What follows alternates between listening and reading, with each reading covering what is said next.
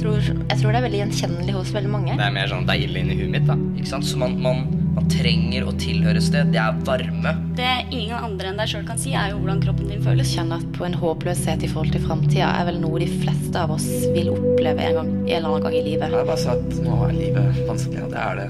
Det er nå. Dette er Hverdagssyken.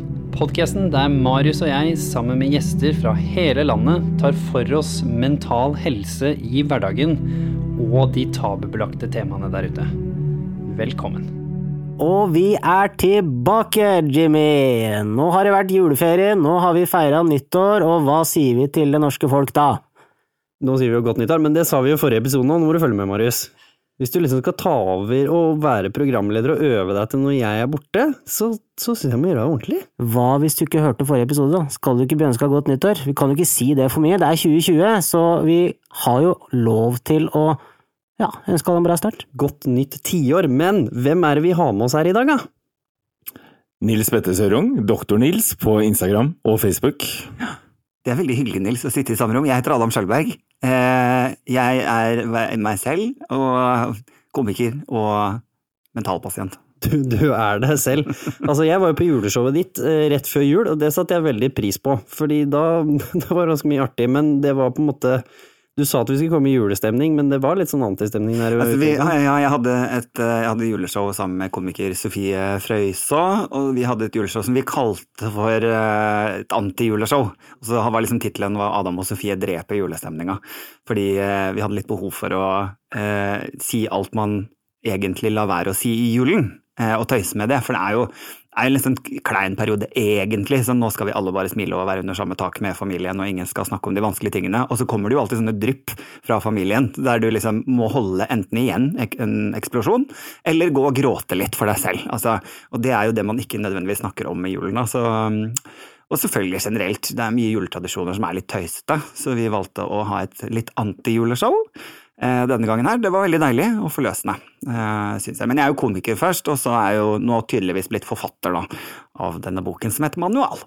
Som handler om menn og følelser, som er grunnen til at du er her. Eller handler om menn generelt, og maskulinitet, men det er mye følelser inni der. Maskulinitet. Det er litt vanskelig å si.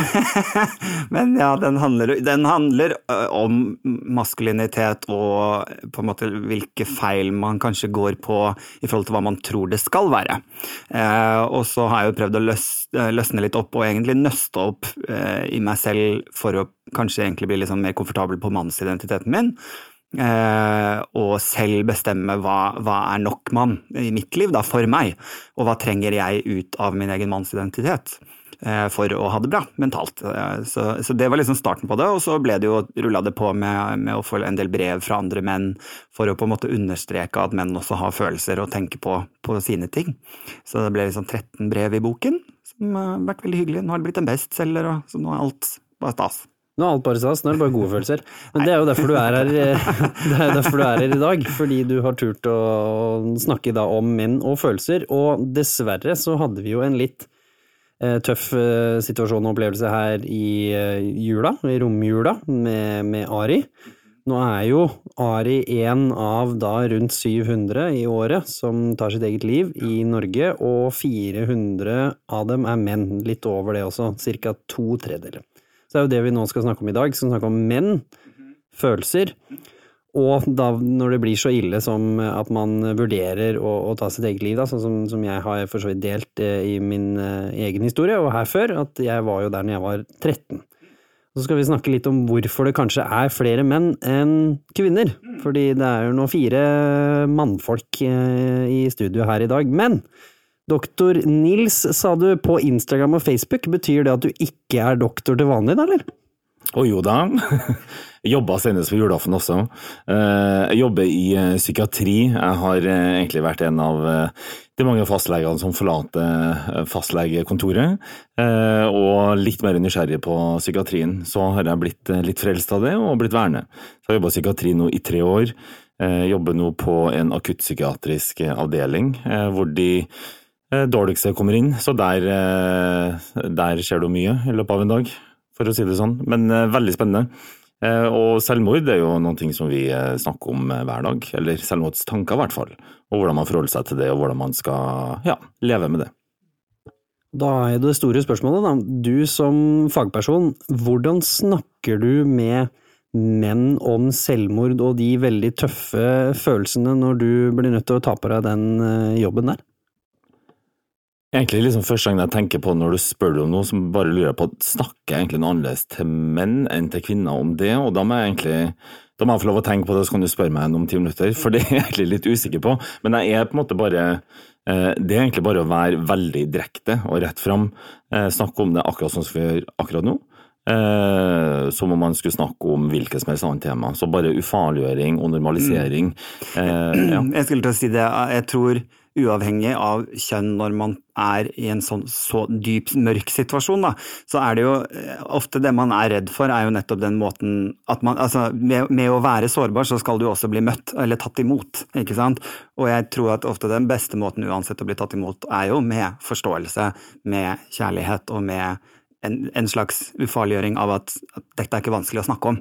Så det som du sier med å være direkte og, og på en måte Uff, dette var vanskelig, nå, nå, er det vondt, nå er det, nå er det tungt, tror jeg ofte er liksom, man, en bra ting. Bare begynn direkte. Ja, ja. Og, og, veldig ofte så handler det egentlig om å bare gi tillatelse til at det er greit, og det er å være menneske og også ha tanker om å ikke leve lenger. Eh, og nettopp for å bare um gi litt sånn anerkjennelse for at det er tema som det er lov å snakke om. Eh, også for det vil være veldig mye skam ofte knytta til det. Og det som ofte vil være mye om, vil være å tenke litt på er det noen som dekker litt over, som sier at nei, nei, alt er fint, alt er bra, og jeg har aldri tenkt på å ta livet mitt. Eh, da vil ofte jeg bli mer bekymra enn noen som eh, nesten bare blottlegger litt. Eh, hva de har av planer, hvilke metoder de har tenkt ut, hvor ofte de har forsøkt. Altså Det er jo det som på en måte er den gode samtalen, for da har du noe å bygge videre på. For det er jo noe av det som har skjedd nå, etter, eh, etter det med Ari. Så, så, kommer det jo nå rett og slett en, det jeg mener er litt farlig debatt. For nå kommer den der litt sånn tanken om at nå er det farlig å spørre noen, nå begynner man å gå inn i detaljene. Det er sånn skal vi spørre sånn, skal vi spørre sånn, må du være fagperson for å snakke med noen om, en, altså om, mental helse? Ja, hvis du faktisk bryr deg og noen sier du, jeg er suicidal, hva gjør vi da? Og så har det plutselig begynt å dukke opp en del sånne ting som får dette til å høres fryktelig vanskelig ut, mens vi i Hverdagssyken, og for så vidt eh, The Human Aspect og, og meg personlig, har vært veldig på det som Adam sier, det med at det er ikke noe livsfarlig, det er ikke noe farlig du kan si så sant du prøver å hjelpe til. Du sier jo selvfølgelig ikke til en som er suicidal, jeg bare går opp, du, det, altså, du er ubrukelig uansett.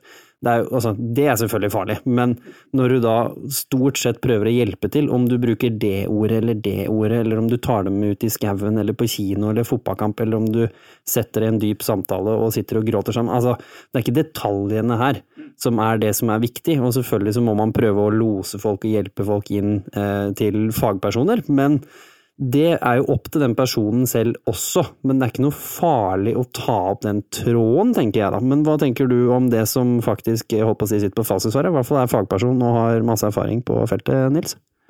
Det som jeg tenker til du som eh, lytter, det er at eh, det er ikke farlig å spørre. Det er ikke et farlig tema å ta opp, fordi det som veldig mange kan føle seg usikre på, som jeg skjønner veldig godt, trigger jeg noen ting ved å spørre?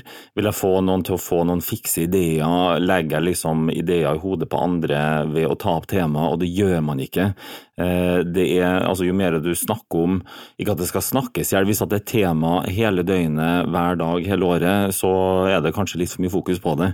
Men eh, det er ikke der det ofte ligger. Så det handler om at det er ikke farlig, og så er det ikke en sånn kjempesterk regel om at det er feil å si det på den måten, eller veldig riktig å si det på den måten, men altså bare å spørre rett ut. Bare å si at vet du hva, eh, jeg kjenner andre, eller jeg vet at veldig mange som har også tanker om å ikke leve eller å skade seg selv når man har det vanskelig. Har du opplevd noe lignende? Har du også tenkt på det? Altså rett ut, veldig åpent. Eh, og hvis at svaret er ja, så kan man godt stille veldig konkrete, direkte spørsmål med ja-nei-svar. Ofte så sier vi sånne stille, åpne spørsmål, eh, men akkurat på selvmordsproblematikk så skal man gjerne stille lukka spørsmål. Har du noen gang tenkt på å ta livet ditt? Ja eller nei? Hvis svaret er ja, ok. Hvor ofte har du tenkt på det? Har du tenkt mye på det i det siste? Har du tenkt ut metode? Har du gjort en beslutning? Har du et ønske om å dø? Og så videre. Sånne helt konkrete veldig direkte spørsmål. Og eh, jeg tror det kan være sikkert veldig sånn rart for andre som ikke er vant til å spørre sånne spørsmål og stille, at det kan føles veldig ubehagelig. Men jeg har fortsatt til gode altså, å få beskjed fra noen pasienter at jeg spurte for mye, greide for mye, eller at det var vanskelig da, at det ble spurt. Eh, hvis man spør, så syns alle at det er veldig fint at man har blitt eh, spurt om det, fordi veldig sjelden så er det en pasient som har virkelig tenkt å ta livet sitt, som kommer og sier det. Vet du hva, jeg har lagt en plan om å ta livet mitt. Eh, det har jeg fortsatt litt til gode å, høre. Eh, uten at jeg faktisk har spurt først, eller at det har vært veldig til rette for at man skal ta opp temaet. Mm. Jeg satt jo og, og, tenkte her tidligere i dag når jeg skjønte, skjønte hvem vi skulle ha i studio.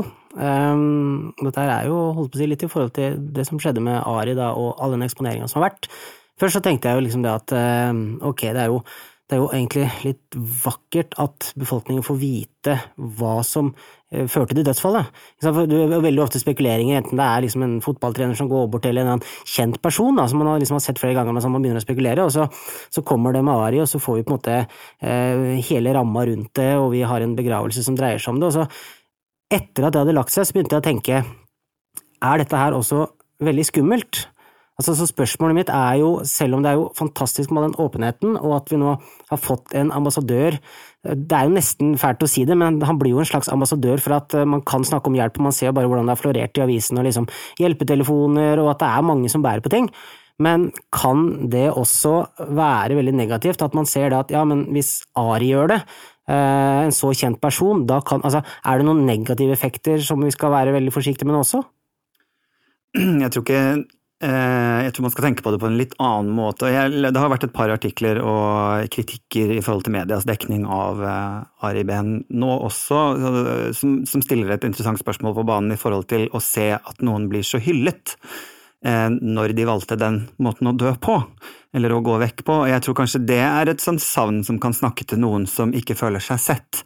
Det at ok, men da blir jeg elsket da blir jeg hyllet. Ikke sant? Det er nok det som kanskje er det skumle her, da, at, at, da skal de se, og da skal alle Da fikk alle det med seg, på en måte, og, og den hyllesten man legger i det, og, og som er veldig bra og flott, men at man kanskje har glemt litt hvor forferdelig dette har vært, ikke sant, eh, og hvor trist og hvor leit det også, og, vanskelig og mørkt det har vært. Jeg eh, har kanskje blitt litt borte i all hyllingen eh, som man har gjort, da. Det tror jeg kanskje er, er, mer riktig å tenke på det på den måten. Jeg vet ikke om noen har noe andre så så vi jo heldigvis eh, det forferdelige i det, tror jeg. Når kanskje det som har fått mest oppmerksomhet opp dette, her, var jo datteren hans, eh, Maud Angelica sin eh, flotte tale der i bisettelsen. Det er klart at hvis du sitter og ser på det, og er i dette mindsettet her, hvor man veldig gjerne tenker at familie og de rundt seg vil få det bedre hvis jeg forsvinner, det var jo det jeg tenkte også når jeg var i de tankene der, uansett om de elska meg eller ikke, det hadde liksom ikke så mye å si.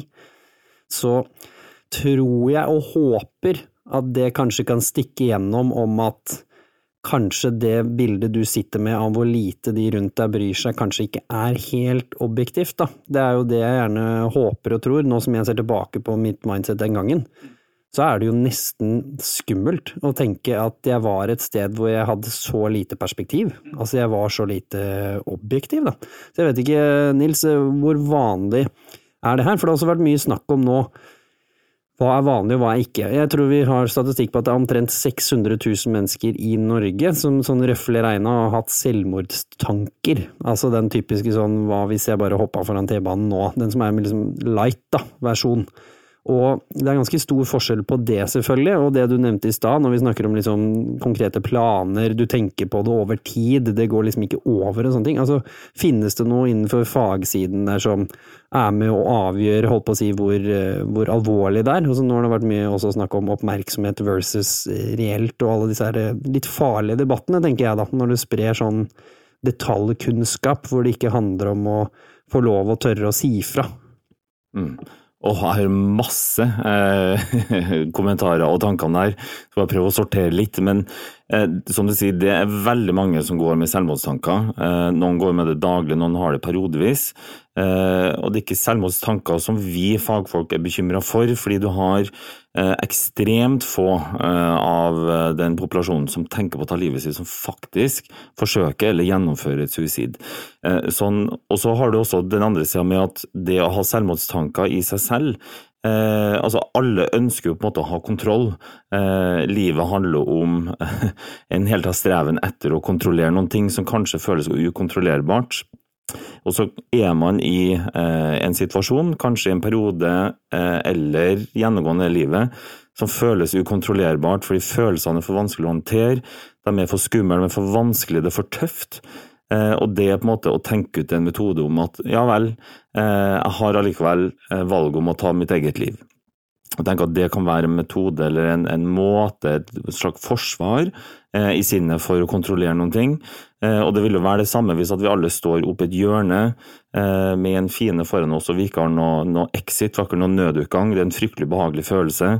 Og For mange vil det å vite at ja, eh, jeg skal gjøre alt jeg kan, jeg skal satse på livet, jeg skal ta imot all hjelpa jeg kan få, men jeg vet at jeg har trumfkortet mitt, og det er min exit eh, hvis at jeg føler at jeg har ingen andre utveier, men jeg skal forsøke alt annet først. Eh, så vi er veldig opptatt av å ta bort akkurat det kortet der, men få liksom dialogen i gang. Hva kan du gjøre når du føler at du står i det hjørnet? Ja, du har det kortet, og det, det må du få lov å, å holde på, men eh, kan vi gi deg også et annet kort? Eh, selv når du står i den situasjonen, så kan du få lov å velge selv, for til syvende og sist så vil det være eh, den personen sitt valg. Eh, og så, eh, bare sånn i tillegg på slutten, fordi det er vanskelig det der med media, og det er noen ting med den balansen mellom ok, trigger man den andre til å gjennomføre et selvmord når man ser at kanskje noen kan bli får på en måte ekstra oppmerksomhet, kanskje med positivt fortegn, som man kanskje heller skulle ha hatt mens man levde. Eh, og jeg skrev også, og jeg syns det var litt sånn vanskelig, for jeg skrev også et innlegg på Instagram på Dr. Nils, og da jeg satt og tenkte veldig snarere skal jeg skrive noe som helst, fordi jeg er også litt sånn oppfostra til som fagperson, eh, med vel vitende om at det er så eh, ujevne balansegrenser, og jeg vil jo heller ikke gjøre noe som er uheldig for at andre skal på en måte trigges til noe, men eh, jeg føler at det ble i hvert fall en vellykka pose bare for å kunne si noe om det, og også litt sånn fordi jeg ser at det kan være bidragsyter med at eh, det som vi har opplevd nå nylig, kan være med på å nettopp skape den åpenheten. Og For å få til den dialogen, og tenker jeg også til du som lytter til dem rundt deg og ditt nettverk, nettopp sånn at alle vi kan snakke med hverandre, og ikke nødvendigvis sånn at alt ansvaret også ligger til helsepersonell. Vi har også et kjempestort ansvar, men kanskje f.eks. også sitte sånn som her i studio og snakke til befolkningen også. Eh, fordi Hvis at alle skal inn i det offentlige helsevesenet eller spesialisthelsetjenesten, det vil alle være nok ressurser for å dekke absolutt hele populasjonen. Så jeg tenker at det er veldig mye vi kan gjøre på, eh, i, i kompisgjengen. Og, ja og alle andre rundt seg. Punktum. Til dere som lurer på litt hva som skjer her, så har vi faktisk bare to mikrofoner, så vi driver og vender på de fram og tilbake. Så hvis det liksom oppleves som litt sånn eh, merkelig her, så, så er det grunnen. Det syns jeg er veldig fint at du tar opp, fordi nå har det også kommet da masse engasjerte mennesker som snakker om løsninger. Hvordan skal vi løse dette her fremover, sant?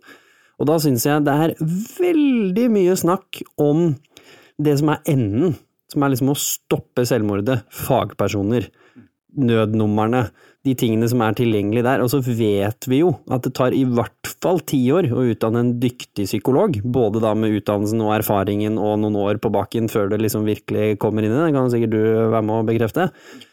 Og så Du kan ikke bare trylle opp liksom 5000 psykologer til, eller 10 000, eller hvor mange som skulle til, da, hvis tallene hadde gjaldt, når vi vet at Folkehelseinstituttet sier at syv av ti som har psykologiske problemer, søker ikke hjelp. Så vi har allerede seks måneder kø med tre av ti. Da har vi et problem. Så da kan vi ikke bare tro at løsningen er der. Så jeg er helt enig i at vi må selvfølgelig fokusere på å sende de som virkelig trenger hjelp, til for eksempel deg da, Nils.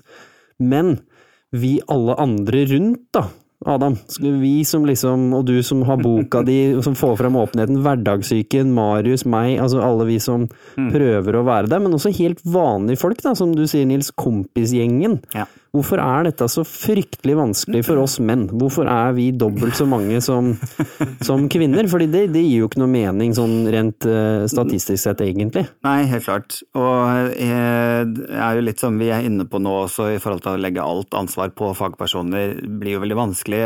Og så er det da denne med hva, hva kan man gjøre selv, det, som, som, det er å ta med noen på en fotballkamp, eller hva det nå enn skulle være, da. Og så ligger det jo også litt i hvordan vi velger å snakke om det, ikke sant, og hvordan vi velger velger å forholde oss til det eh, som en, nesten en naturlig del av hverdagen vår, fordi mange har disse tankene om, eller det kortet på hånden, selv om de kanskje aldri gjennomfører det. Og så er det jo et annet problem oppi det, som er at det er veldig mange som overlever egne forsøk, som etterpå ikke har lyst til å prøve det igjen fordi de overlevde. Eh, og så er det dessverre sånn at veldig mange menn velger veldig aggressive metoder som er veldig liten sjanse for at man overlever. ikke sant? At det er eh, ofte hardere metoder med, med et mørkere resultat på. Da.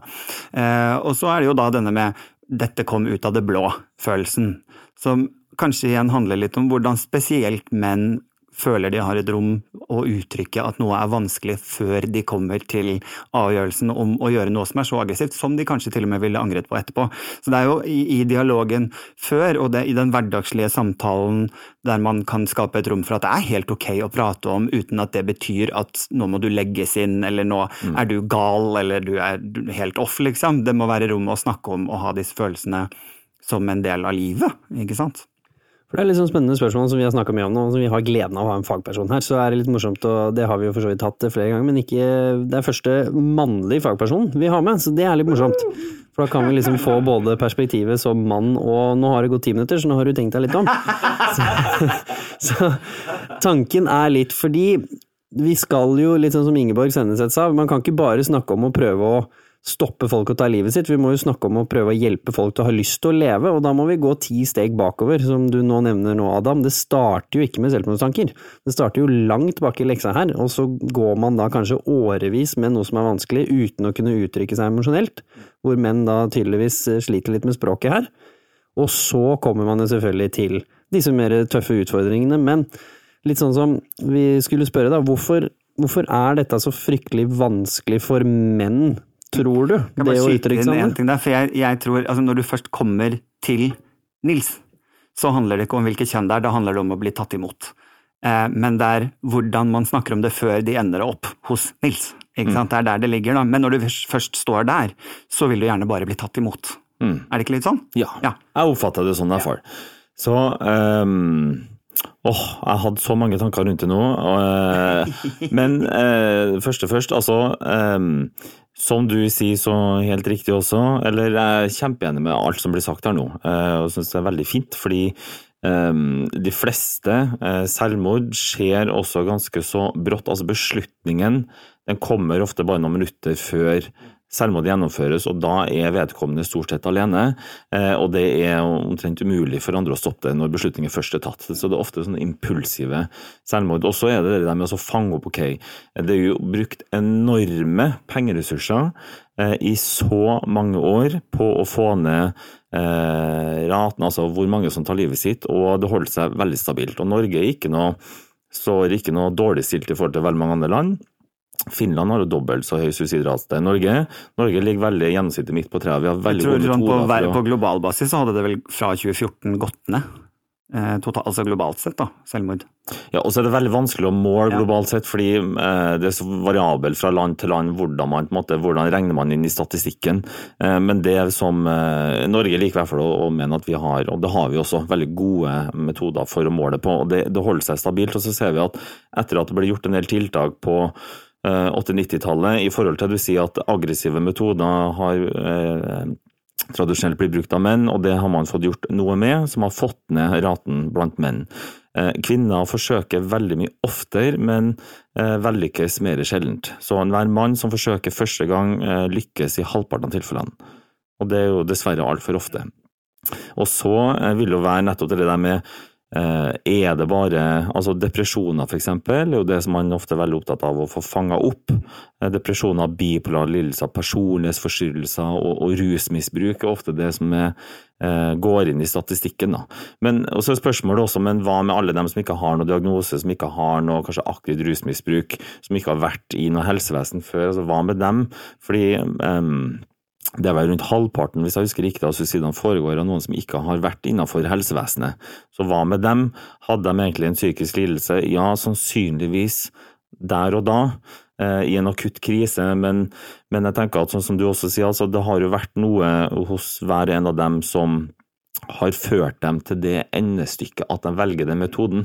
Så I løpet av hele livet, og kanskje de foregående årene også, så er en måte de eller vi, eh, må jeg også si, eh, meg også inkludert, jeg for at jeg lærer hele livet og såpass privilegert, jobber i psykiatri, får lov å utvikle meg såpass og bli så selvreflekterende på egne følelser, ser også mine svakheter, mine feil, mine blind spots, hele tida aha hver eneste dag. Så vi, vi forholder oss til ting på følelser som veldig ofte er konstruktivt, andre ganger er det destruktivt.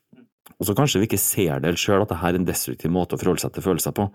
Så bare det å få eh, For ofte så vi lever verden i vår egen boble hele tida, i vår egen bitte lille sfære som vi fortolker hele verden ut ifra. Eh, og det å få på en måte noen, noen, eh, noen nåler fra andre som kan stikke litt hull på den ballongen, og på en måte bare komme litt andre måter, objektive måter å se eller å på en måte forstå en situasjon på, som gjør at man kan bli dratt litt sånn ut da, mm. av sin egen boble, av å fortolke verden og, og seg selv på.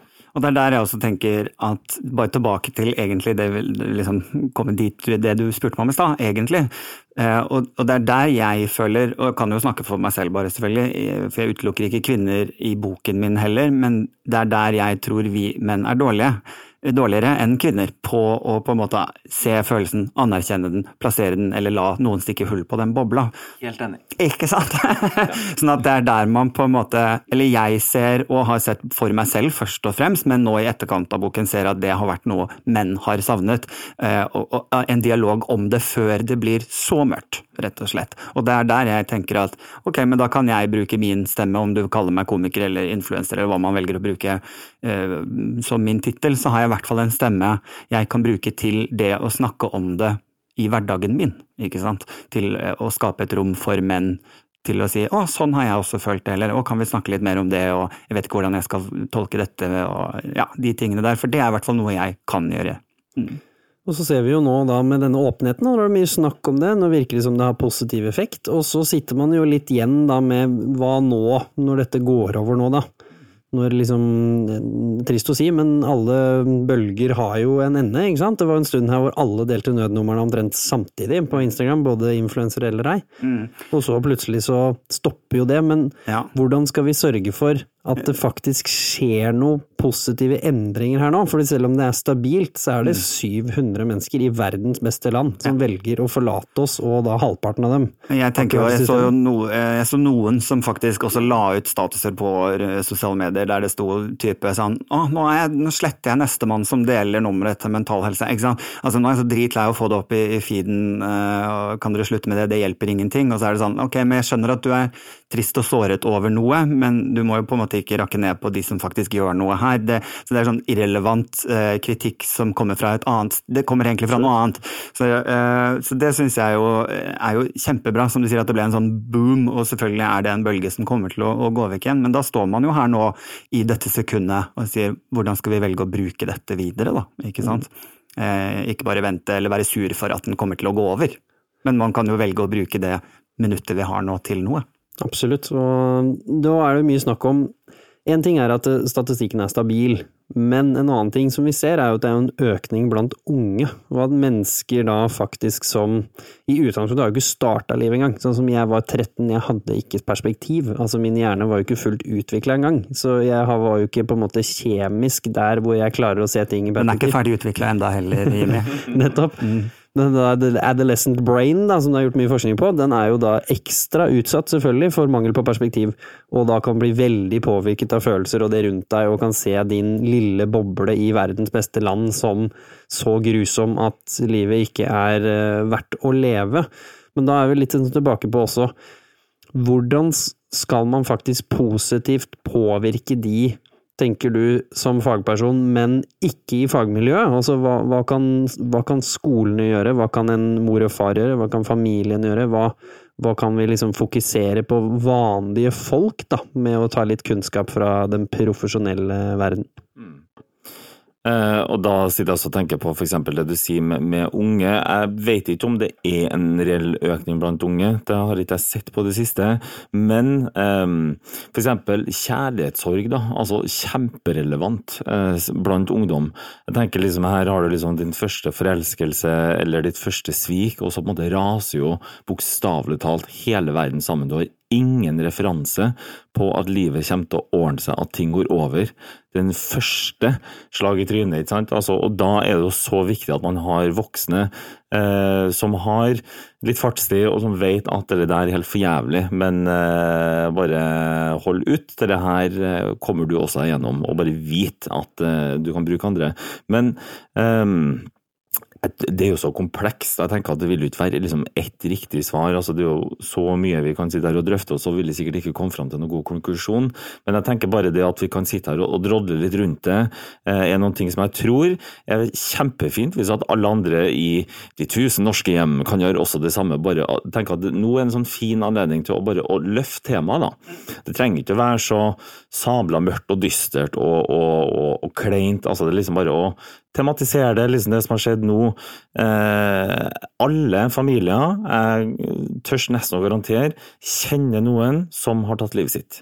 Eh, for såpass vanlig det, fordi det påvirker jo i store kretser. Det kan være et tema å ta utgangspunkt i. Det kan være det å dele noe. Eh, jeg tenker at dere må dele, spesielt da for vi menn, som har vært inne på at kvinner er mye flinkere til å snakke sammen. De starter i tidlig ung alder, og de utvikler den der eh, fra sånn, i hvert fall 12-13-årsalderen, eh, og snakke om problemet mye mer enn det menn gjør. Eh, jeg vet ikke om løsningen er at menn og gutter må bli like flinke og må snakke om det samme for at vi skal på en måte eh, få en bedre psykisk helse. Men det å inkludere hverandre, det å vise at man er et medmenneske. Man trenger ikke å sies veldig mye. Nei, og jeg tenker at det er forskjellige måter å eh, altså Når jeg skulle ha disse brevene til boken, så eh, snakket jeg bl.a. med eh, Tom Stiansen, som skulle levere brev, som er liksom hardcore idrettsutøver, 71 grader nord, tøffing, hardbarka fyr. Eh, som sier til meg men Adam, du må jo forstå at det hadde vært veldig rart og off character for meg å ringe mine kompiser og si skal vi sette oss på kafé og skravle litt? Det, det, ligger liksom ikke i vår i vennekultur eller liksom gjengen vår, da. Men det jeg kan si, det er skal ikke vi møtes og sparke ball klokka seks? Og så veit jeg at jeg egentlig vil gjøre det fordi jeg skal grine over noe. Altså, det kommer til å skje, men det må være settingen jeg ber om. Jeg kan ikke be om så, så liksom, Vi skal ikke forvente at alle nå skal sette seg ned og ha alvorlige prater og snakke fra hjertet. Det går jo ikke. Eh, fordi personlig, jeg er ikke en sånn fyr selv engang. Det er der jeg tenker at det skal på en måte skapes rom for at det er også ok å ikke være en sånn som må snakke om alt. Men man må kanskje lære seg etter hvert å vite noe må jeg snakke om for å takle. Ikke sant? Du må ikke snakke om alt, det er ikke alle problemer som trengs å snakkes i hjel, men noen ting er viktig viktigere å snakke om enn andre ting, rett og slett. Vi vet jo at uh, Marius, du er jo mannemann fra uh, Hemsedal og har jo også masse kompiser som kanskje ikke sånn utenifra har hatt rykte på dere for å sette dere på kafé og, og snakke om følelser. Så hvordan snakker du med kompisa dine om følelser etter det voldsomme du var gjennom, som selvfølgelig rista livet ditt litt opp ned, som gjorde at du var nødt til å snakke litt om hva du følte og tenkte etterpå? Men det er, jo, det er jo litt fascinerende, fordi ettermælet av det jeg var igjennom, det er, det er uh, kjempevakkert. Det er vakkert fordi alle barndomskompisene mine nå, nesten med unntak, så enten jeg sitter på trikken, uh, sitter i sofaen hjemme eller er i en stor forsamling, så avslutter jeg samtalen med å si jeg er glad i deg. Det kan jeg love at det er ikke stereotypisk for en uh, ja, oppvekst i Hemsedal hvor alle skulle ha like klær med hettegenser og store olabukser og i det hele tatt, og plutselig har vi blitt glad i hverandre, og vi sier det offentlig. Og jeg har jo tatt meg selv i å bare det betyr ingenting, det er det jeg mener med om jeg sitter på trikken og folk har skjønt at jeg prater med en kompis. Kanskje jeg snakker fotballresultatet først, og så avslutter jeg med jeg er glad i det. Så er det sånn, ja ja, det får så være, men det er jo en sånn vakker ting. Og jeg må bare si, fordi jeg, jeg blir jo sittende jeg er ganske skravlete, men jeg blir litt sånn svamp når jeg sitter her med, med oss fire i dag, fordi eh, jeg syns det er spennende å få høre om statistikker, og i det hele tatt, og det er så mye energi her at jeg nesten ikke plass til nummer fire her, ute på flagget. Men jeg, jeg har et eksempel jeg har lyst til å komme med, og det er etter det jeg var involvert i, det vil si har vært så nærme å ta kvelden, og samtlige skal hele tiden fortelle meg at jeg skal være så glad for at jeg overlevde. Og jeg hadde det så tungt, og jeg hadde så fæle bilder inni huet som jeg holdt på å bli gæren av. Altså, jeg, jeg gikk rundt og tenkte bare, skal jeg ha det sånn resten av livet? Det her er ikke et liv jeg vil ha, det er ikke et verdig liv. Men jeg, hos meg så ble det jo forbudt å tenke, orker jeg å leve med dette her? Så det gjorde jo, fant jeg ut flere år etterpå, at det gjorde at jeg ikke avreagerte nok. For det var, altså, jeg syntes det var urettferdig, hvorfor kan ikke jeg få lov til å tenke, men hva hvis jeg tar en enkel utvei, hva hvis jeg ikke hadde overlevd, hadde det kanskje vært det beste? Det var jo tanker jeg hadde, men jeg hadde ikke lov til å tenke dem, og det er noe av det jeg syns har vært veldig fint med alle hjelpetelefonene nå, fordi jeg kunne ikke fortalt noen som er glad i meg, at hei du, eh, jeg har hatt litt mørke tanker nå, eller jeg har tenkt hva hvis jeg ikke hadde overlevd? Det kunne jeg løst med å ringe for eksempel Mental Helse, da. Så det er en sånn en positiv greie. Jeg tenker at du er helt anonym, og nå hopper Nils til her, så um, Jeg sitter her og tenker når du snakker også om det som jeg tror er også en grunn til at du sier at man, det er lettere å snakke til en tredjepart som kanskje ikke dømmer eller hopper så raskt til en løsning. Eh, fordi det jeg kan i hvert fall si, at um, i min erfaring som eh, utdanna lege, eh, som, og leger skal jo fikse ting, og vi skal redde liv, og vi skal gjøre så mye absolutt hele tida. Eh, så er det en litt sånn annen måte å jobbe på som lege når man eh, jobber i psykiatri. Fordi ikke så opptatt av å finne løsninger hele tida, selvfølgelig så gjør vi det, men det handler om å gi mer rom, lytte til, være nysgjerrig, utforske. Eh, og så selvfølgelig så kan jeg sitte og ruge på, jeg kan sitte nesten sprekkeklar på stolen fordi jeg, jeg ser på en måte den åpenbare løsninga og svaret, da. Hvordan pasienten skal få det bedre, eller kan bare tenke litt annerledes.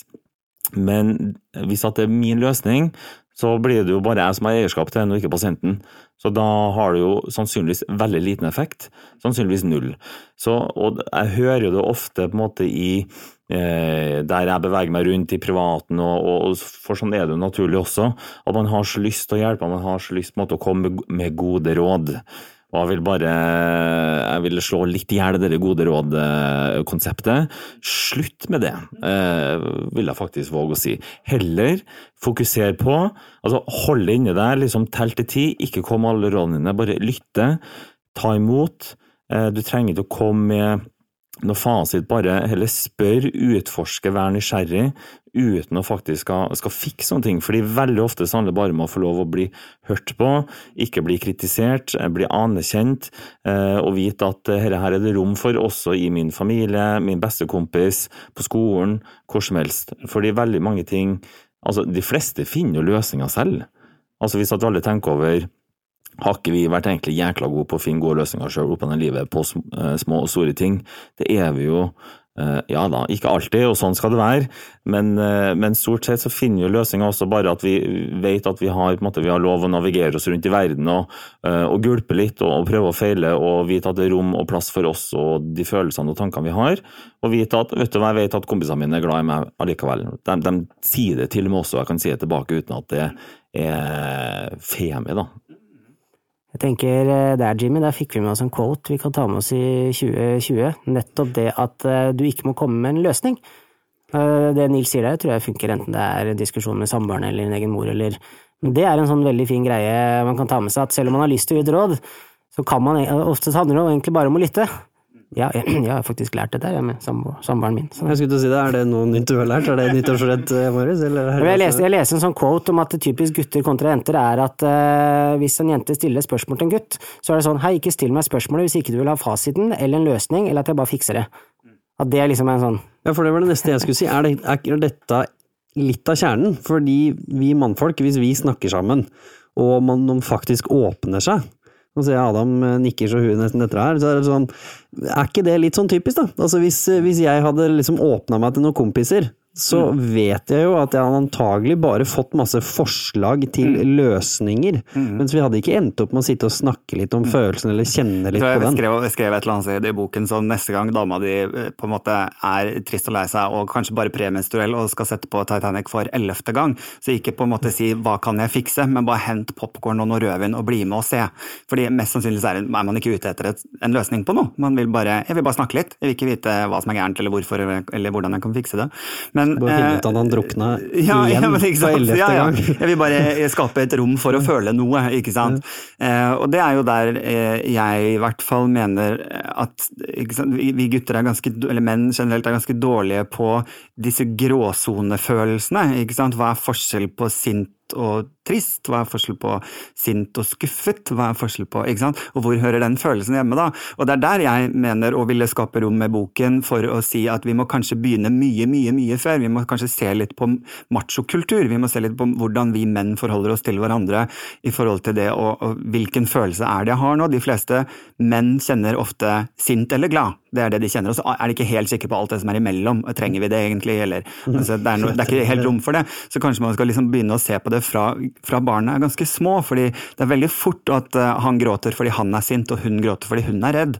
Og så pålegger vi de følelser ut ifra hva uh, kjønnsstereotypier skal være, og hva vi tror det er, når til syvende og sist alle er følelser, og alle barn er barn. Sånn at hva har barnet behov for egentlig her, det er jo det som skal bli snakket om uavhengig av kjønnet. Og så er det jo da dette med hvordan eh, liksom begynne å tenke litt annerledes på eh, liksom mannskultur på, fra et tidligere stadium av. Da, for, som har vært viktig for meg med boken, da, å si ok, vi må kanskje skape et rom for det som er gråsone-følelsene. Mm. Du snakker jo en del også, Nils, om viktigheten av de tingene som skjer rundt dette her. Både det med Adam-boka da mener jeg liksom igjen ikke det der med, med, at man nødvendigvis skal ha konklusjoner og råd, men skape rom for å snakke om gråsonene uten at man skal komme frem til en konklusjon engang. Bare gi rommet for å snakke om gråsonen. Og gi et språk, Om, Ja, ikke sant? Få et språk for det. Ja, og gi et språk, men også, det er litt viktig for oss å ta på også, både hverdagssyken, The Human Aspect med Livserfaringsbiblioteket, historien til Adam, historien til hundrevis av andre mennesker, Marius, meg, mange. Hvor mye har det kanskje egentlig å si, da? Fordi som du sier, det er jo kanskje ikke nødvendigvis masse løsninger, og du, jeg fikk litt inntrykk av at når du jobber innenfor psykiatrien, så jobber du på en annen måte enn du ville gjort når du jobber med også det fysiske, som, som lege. Fordi det er klart, har jeg et sår, så er det jo rimelig innlysende at du burde gjøre noe med saken. Mens hvis jeg kanskje da har et sår i hodet, så er det ikke nødvendigvis at du, som du sier, burde gjøre noe konkret med det å komme med forslag, men du må heller hjelpe meg å komme frem til en løsning. hadde elsket hvis det gjaldt sår, fysiske sår. Du har et sår på armen, ja, hvorfor tror du det dukket opp da? Ja. Hva skal vi gjøre med det, tror du da? Løp du litt fort på det svaberget? Ja, Nå er neste, neste showet til Adam, det er eh, avlyst her nå. Det blir da at Adam skal ta Tenk om vi hadde behandlet fysiske ting på samme måte som en psykolog. Nei, men eh, Nils, hva tenker du om eh, både hvor stor effekt kan f.eks. å høre en podkast-episode, se et fullt dybdeintervju, lese boka til Adam, altså alle de tingene vi nå ser veldig, veldig mye mer av enn det vi gjorde før, ha på en person som har det veldig vanskelig, men som da føler at de har ingen å dele dette med, for det er jo det som er noe av hovedproblemet til menn, eller de har verken språk eller noe som helst mulighet til å, til å få hjelp, da, rett og slett. Mm. Eh, det ville vært veldig feil hvis jeg hadde sagt at nei, det tror jeg har eh, ingen god effekt. Men jeg mener også oppriktig at det eh, det å, at vi sitter her og snakker, og det at du har skrevet en så jækla bra bok, som jeg tror oppriktig gjør godt for utrolig mange.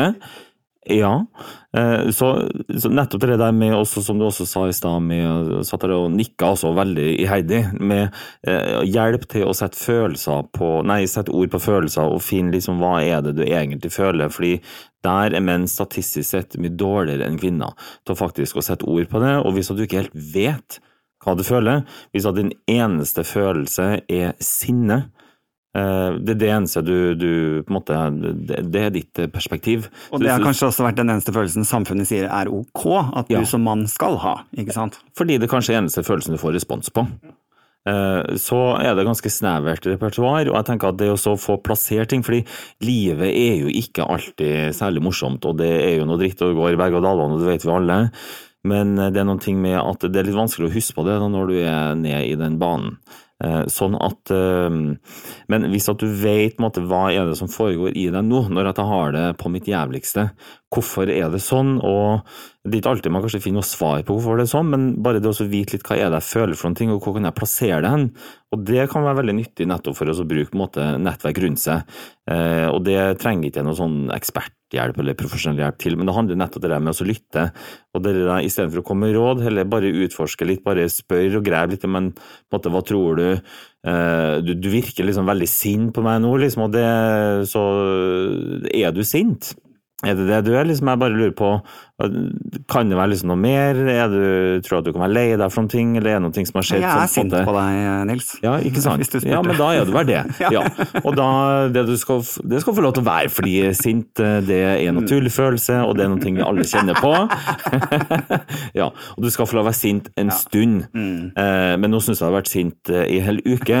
Jeg bare lurer på om det kan være noe annet det her handler om. Eh, jeg husker at du sa noen ting den gangen der, jeg bare lurer på jeg, Hadde vært meg, så ville jeg vært følt meg veldig lei meg. Ja, jeg ble er det samme for deg, men tror det kan være noe med det. Altså, ja. Sånne ting. Og at, ja.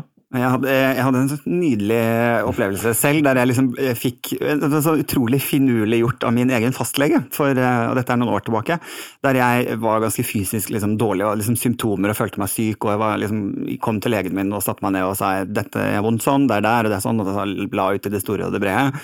Og øh, fastlegen min så på meg og så sa hun sånn uff, ja, ja, ja, hva skal vi gjøre med det, da? og så sier jeg sånn, nei, det er jo derfor jeg er her, liksom. Og så sier hun ja, nei, kan få en klem, da. Og så, Jeg husker liksom, altså Hjernen min bare gikk gjennom en sånn kartotek. Hva er det som skjer nå? Jeg skjønner ikke hva som skjer nå.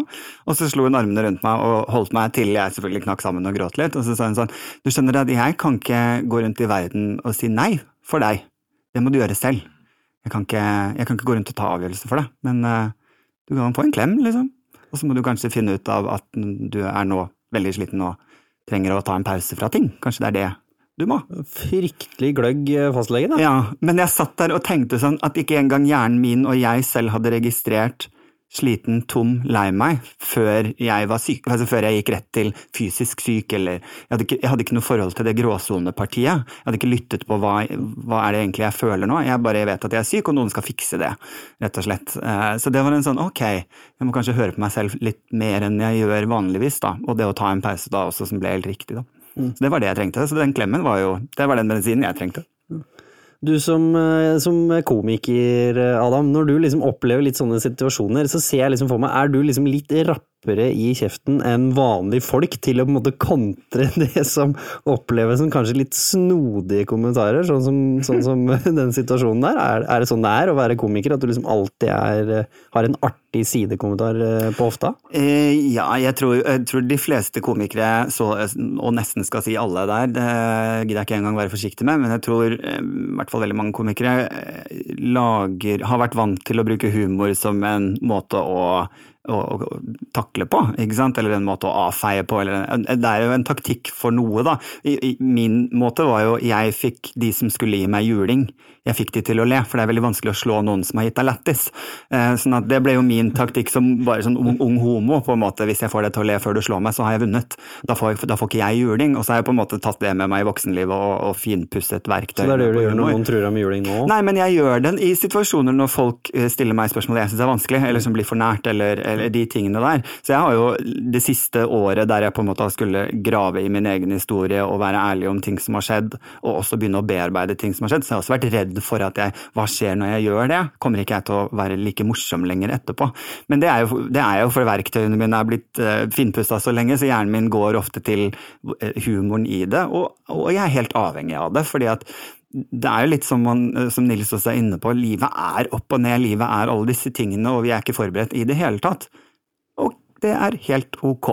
Ja. Ja. Vi snakka mye om galgenhumor du, Marius, som et viktig ledd for deg å komme deg ut av noe som nesten var for grusomt i det hele tatt å bruke hjernekapasitet på å forstå. Og jeg også har jo snakket om at når jeg har sånne fryktelig tøffe dager hvor alt går skikkelig gærent, som nesten holdt på å skje med denne episoden her, så er det liksom at du bare begynner å le.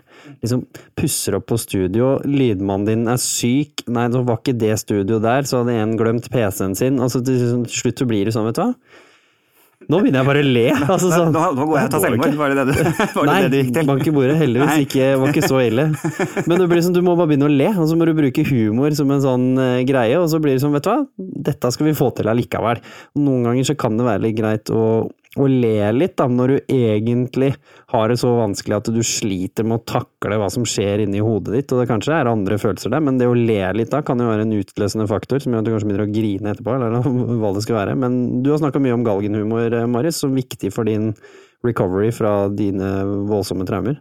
Jeg har jo spesielt to ting, og jeg liker samspillet, at begge deler er en del av gjerne samme foredrag. Det ene er at det er så, det er så utrolig deilig, og jeg er jo litt min egen psykolog, selvfølgelig. Eh, Og jeg, jeg, må, jeg må jo bruke humor for at jeg i det hele tatt skal orke å snakke mitt eget foredrag gjennom. Men det er så deilig å både stå på samme scene og fortelle og si høyt at hei, vi har alle tatt imot motgang, livet er, uh, unnskyld uttrykket, noe jævla drit til tider. Det humper så mye at vi vet ikke hvor vi skal gjøre av oss men i samme bisetning kunne bare pøse på med så mye humor. Altså kaste ut noe som egentlig er litt tabu, og bare Det er sånn, jeg tror de fleste har vært i en sånn situasjon hvor de bare har lyst til å gå ut på gata og bare Aah! Nå orker jeg ikke mer.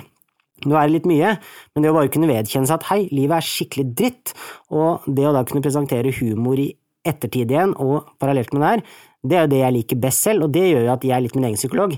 Jeg sier, kanskje jeg har en dårlig dag den dagen, ja, så jeg trenger det bare akkurat den dagen, det kan jo hjelpe fantastisk mye, men det da å kunne le med forsamlingen, og da at andre ser at, vet du hva, hvis du kan le av 20 knivstikk og fram og tilbake inn med psykiatri og rettssaker, og da kan du le ganske mye, da. Og så syns jeg legene kan begynne med sånn, altså, når de, når de skriver Og nå er jeg spent. ja, nei, men jeg mener bare, Det kan gå- godt hende Adam får en idé til et nytt show her nå. Det, det kan eksempel være eh, eh, en tur på byen, antibiotika og en klem. Altså at det liksom Skjønner du hvor jeg vil hen?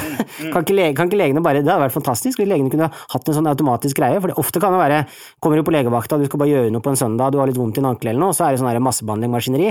Men bare den lille klemmen, kunne vi lagt inn den, og det hadde vært kjempeherlig. Og så du vet at du alltid får en klem av legen din. My, ja. Mye mer effektivt enn antibiotika veldig mange ganger. Og, og jeg smelta litt når jeg hørte Kan gjøre begge deler, da, Nils. Ja. jeg skal tenke litt på den. Men det som er med eh, Bare apropos det, altså sånn det der med både den trangen til å hjelpe som lege, da, og det at veldig mange ønsker på en måte å få en quick fix også, enten om det er en antibiotika for et betent sår, eller om det er på en måte en, eh, en pille fordi man eh, kjenner på sine vanskelige følelser, så, så er det det der med å kunne Og det er jo vi som leger sitt ansvar å faktisk å greie å, å stå i det presset, da. Eh, både å regulere oss sjøl, at ikke vi hopper for kjapt til en sånn quick fix, og at vi også må ta oss tid til å forklare hvorfor det her tar tid. Eh, og så vil jeg også bare si, slå slag igjen av for humor, fordi altså, vi har alle, vi er alle utstyrt med forskjellige sånn forsvarsverk. Så liksom skal komme med sånn psykologisk liksom sånn analyser og sånne ting, så er det jo bare med veldig forenkla eh, humor. Det er et forsvar vi har. Eh, vi har vi kan projisere, at vi putter liksom vår egen eh, frustrasjon over på noen andre. Vi kan splitte verden i ond og god. Liksom, de er bare onde, fæle mennesker, dere her er bare fine mennesker. sant? Veldig sånn sort-hvitt-tenking. Det er også et form for forsvar for å eh, forsvarer oss sjøl liksom, mot det som er konfliktfylt liksom, på innsida. Og der går vi alle rundt med forsvarsverk, men av alle typer forsvar så er humor liksom den som er mest uskyldig, og som faktisk har en veldig god funksjon. Eh, og jeg tenker at eh, uten humor så blir jo også livet eh, ganske traust.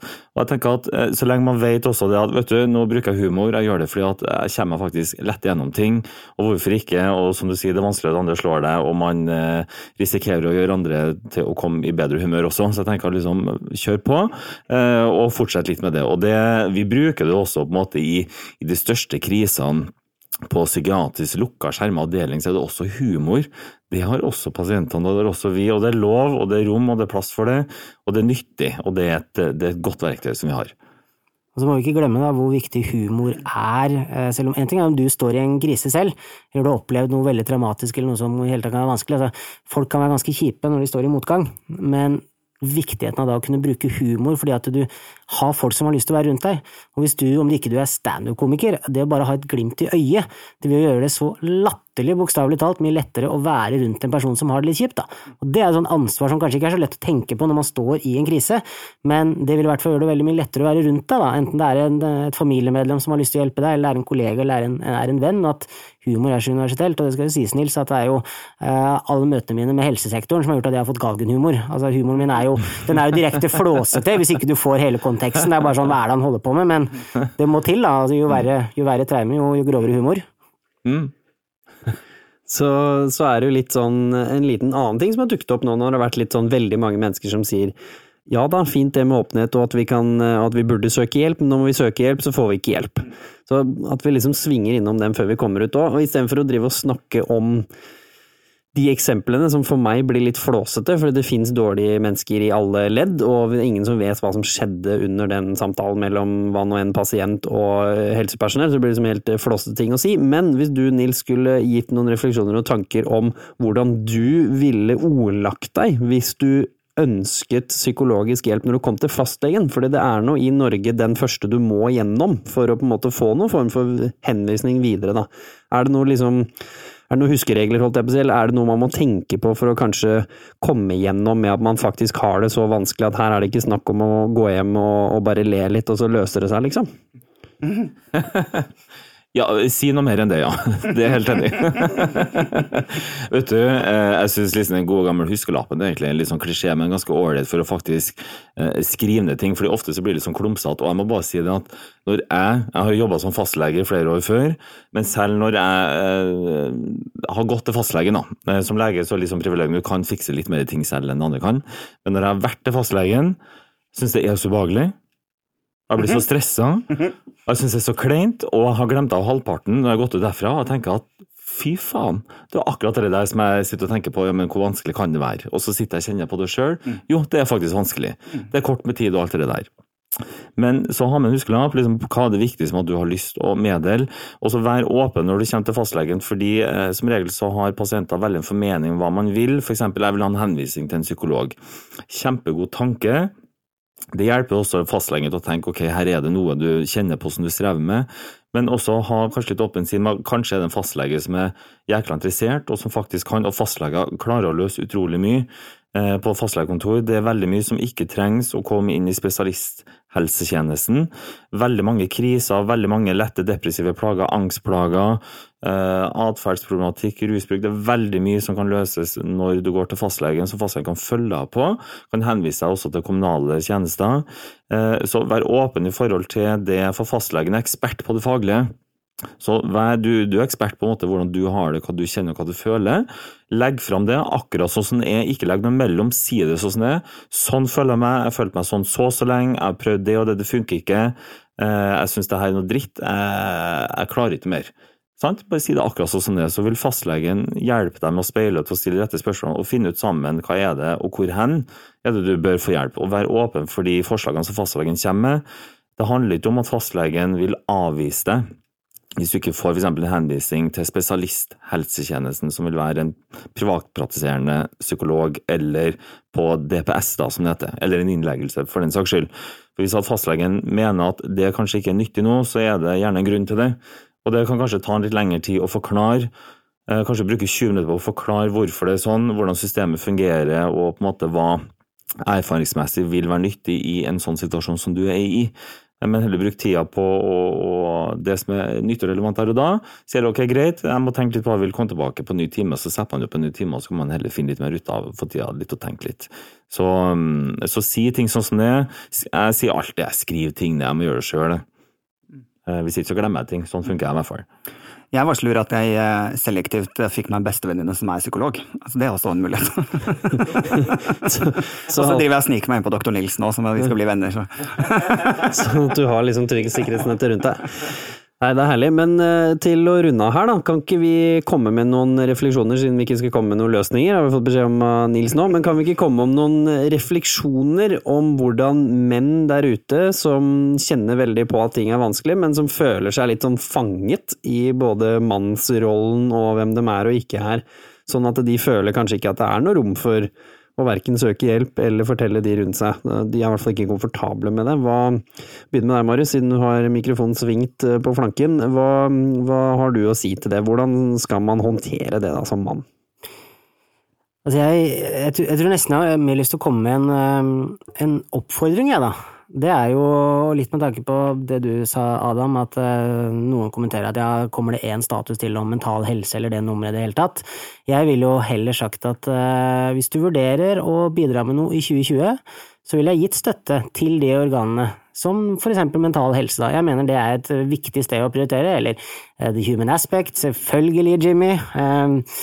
Uh, nei, uh, rett og slett på bakgrunn av at jeg tror det er så viktig i 2020, og det kan løse så mye at det fins en uavhengig tredjepart som gjør at hvis du bare kan ringe dit og skravle litt, så kan det være det du trenger. Det kan være det kompisen din trenger, det kan være det klassekameraten din trenger. Uh, men for å hoppe tilbake til spørsmålet ditt, så, så, vil jeg jo havne på det egentlig kjedelige klisjésvaret, men det er egentlig bare å tørre å stille spørsmål til de du har rundt deg, for da vil de mest sannsynlig stille spørsmål tilbake. Altså, og, altså, hvis, du, hvis, du, bruker litt tid på andre nå, da, i 2020, det nye året, bestem deg for at du skal se litt flere, enten det er en kollega som virkelig trist, ta en prat med han eller henne, og basert på det Nils sa, om at uh, du skal ikke sitte med et fasit, du skal ikke sitte med en konklusjon, selv om du kanskje tenker at ja, men du, hvis du føler deg litt vask og sliten i dag, hvorfor går du ikke bare og trener, da, det hadde vært løsningen din. Jeg sitter jo her på fasiten, men det er jo ikke det det ofte handler om, det kan være at uh, den, han eller henne trenger å spise iskrem og se på Titanic og bare avreagere, eller jeg syns det er så fint med samboeren min, fordi når jeg bare sånn, er du sur, eller er det noe gærent, det er sånn, sikkert sånn klisjéspørsmål man kan finne i norske hjem, men hun er veldig flink til å svare bare at jeg har bare en litt dårlig dag i dag, jeg har bare lyst til å ligge på sofaen. Da er det sånn fine, det kan jeg leve med, liksom. Det var et langt svar.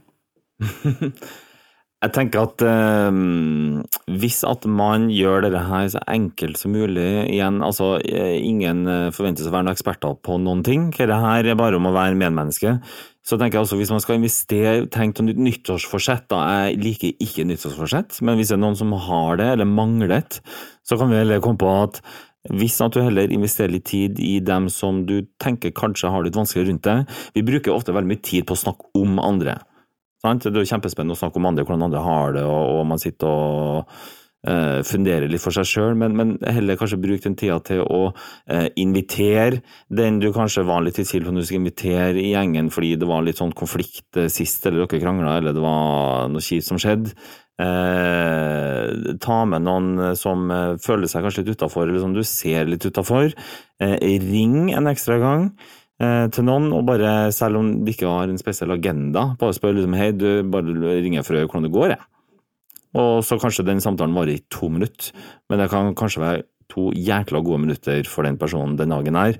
Så bare det å eh, vise til noen at du bryr deg, Stikk innom Jeg savner før i tida når vi bare liksom stakk eh, innom andre. Ringte på døra, eller for de var hjemme. Istedenfor å sende en melding først. Mm. Var liksom tusen muligheter til å komme på en unnskyldning. Ja. Eh, nei, jeg er for trøtt og for sliten og egentlig ikke hjemme, men du sitter jo hjemme og alt det der.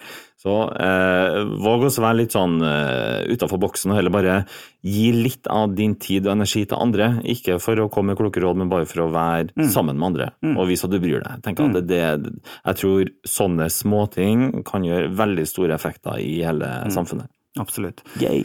Yay. Jeg tenker uh, at uh, Og det gjelder meg selv, uh, og det tror jeg hvis du er mann å høre på i hvert fall, så tenker jeg at prøv å øve deg på hver gang du føler på noe, så prøv å liksom gjenkjenne hvilken følelse det er. Bli bedre på det, og det er noe jeg skal selv gjøre, i hvert fall det året her har jeg bestemt meg for at jeg ikke skal alltid bare tenke at jeg er sint og drittlei, men at jeg skal si ok, men nå er du faktisk skuffa eh, istedenfor sint, eller nå er jeg trist, eller nå er jeg sorgfull. Altså, prøve å plassere hva, hva er det jeg egentlig føler nå, og bli bedre på å lytte på seg selv. Det er min oppfordring. Tørre å prøve å høre etter. Tørre å prøve å høre etter. Uh, veldig bra. Uh, mine refleksjoner er er det, er litt det samme. Det er litt som vi snakket om før. Det er det å tørre å spørre noen om hvordan de har det, og vente på svaret. Gi uttrykk for at her er jeg faktisk interessert i hva svaret ditt er. For vi lever i en veldig hektisk og raskt flyttende verden, hvor det er veldig sånn du, hvordan går det? Det går bra, det går bra. Og så er det, er jo ingen som svarer ærlig på det når du er halvveis på vei ut døra mens du spør hvordan går det. Hvis det er en litt kompleks situasjon. Det blir litt den følelsen av 15 minutter hos fastlegen. ikke sant? Det klart, hvis fastlegen da spør deg du, åssen går det egentlig, Adam, og du liksom har en hel bok som et svar, så blir det jo litt klønete å klemme inn det på de siste fire minuttene av legetimen. Så da er det litt viktig å gi uttrykk for at du faktisk er der, da, som du sier. Om du da ringer noen tilfeldig, eller om du da setter deg ned når du spør, eller liksom hva det skal være. At du i hvert fall gir uttrykk for at du ikke har tenkt til å stikke av fem minutter eh, etterpå, da. Det tror jeg kan eh, hjelpe. Og veldig også fan av det der å spontant uh, ringe noen. Så hvis du er på vei hjem, da, og tusler på vei, og som du også snakker om, snakker litt fotball, og så sier du glad i deg på slutten, Marius veldig fan av å tørre å gjøre sånn. Så det er min oppfordring til 2020. Tørre å spontanringe folk du bryr deg om litt mer, litt ut av det blå. Det er lov. Det kan hende de blir litt småirritert, fordi det er veldig uvanlig, men vet du hva, det er helt greit. Da har man noe å le av, tenker jeg. Tusen hjertelig til Vrang Produksjon, som stilte opp og redda rett og slett podkasten her med å stille opp med studio, og selvfølgelig tusen hjertelig til sjølveste Dr. Nils, både på Instagram og Facebook, men også i virkeligheten, Dr. Nils. Tusen takk for meg. Veldig fint å ha vært her. Jeg er blitt litt klokere, jeg også. yes, vi gjorde en lege litt klokere. Det, det kan vi skryte av, Marius, kan vi ikke det? Jo, det skal jeg ta meg hjem i kveld, i hvert fall. Det er det du skal si til samboeren? Ja, med en gang jeg kommer inn døra. og tusen takk til deg også, Adam. Det er alltid en glede å ha deg med på uansett hva det er. Takk, så hyggelig å få lov til å være med. Det er koselig. Tusen hjertelig til dere som lytter, og som sagt, fortsett å sende inn forslag til temaer, til gjester vi skal ha med, eller hva nå enn det er dere vil vi skal ta opp, fordi dette er faktisk deres podcast, og ikke bare vår. Og nå er det litt morsomt, fordi nå har vi faktisk liksom sniket oss inn over jula her nå, på førsteplass på mental helse i Norge.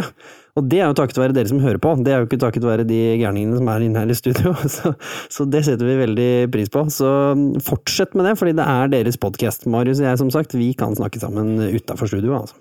Ja, Det fine er jo at uh, vi er veldig mye på farten, Jimmy. Både du og jeg er på hver vår front. Men det betyr jo faktisk at vi er, vi er, vant til å flytte på oss. Så hvis det er noen som har et podkaststudio eller for eksempel har noe utstyr i en annen by, eh, kanskje de har en spennende person, kanskje du har en spennende historie, så er det også lov til, tenker jeg da, i 2020, dette er jo ikke forberedt eh, deg på Jimmy, men jeg tenker at den kan vi kaste ut, at hvis dere vil ha meg og Jimmy på besøk, ja, men da setter vi oss på toget eller går på flyet, og vi kommer, om det er i Tromsø, Alta, Kirkenes, Stavanger, you name it. Er vi heldigvis tar med oss eh, Adam og Nils i bagasjen òg? Ja, de blir med. Ja, ja, her bare bygger vi et sånt godstog av gårde inn i 2020. Kommer som noen jokere her. Så, tusen hjertelig, og ha en smashing eh, uke, kveld, dag, morgen når enn du hører på dette her videre. Og husk også, vær med og del, da, fordi det er ikke sånn at eh, podkasten sprer seg sjøl, så det er ikke forbudt å slenge inn en share på en Insta-story eller en Facebook, altså. Det, det er faktisk kult, det i 2020 har jeg hørt. Det sto i Trendmagasinet her om dagen. Rett ved siden av at eh, Adam skal få pris i Vixen. Jeg tenker det er godt at vi har sånn mikrofon som skyter i én retning, fordi da slipper leserne å høre hvor mye Adam faktisk ler i løpet av en podkast. Du er god til å få andre til å le, men du er god til å le selv òg, så det er vel en, en eh, bra egenskap. Veldig bra. Tusen hjertelig, folkens. Ha det.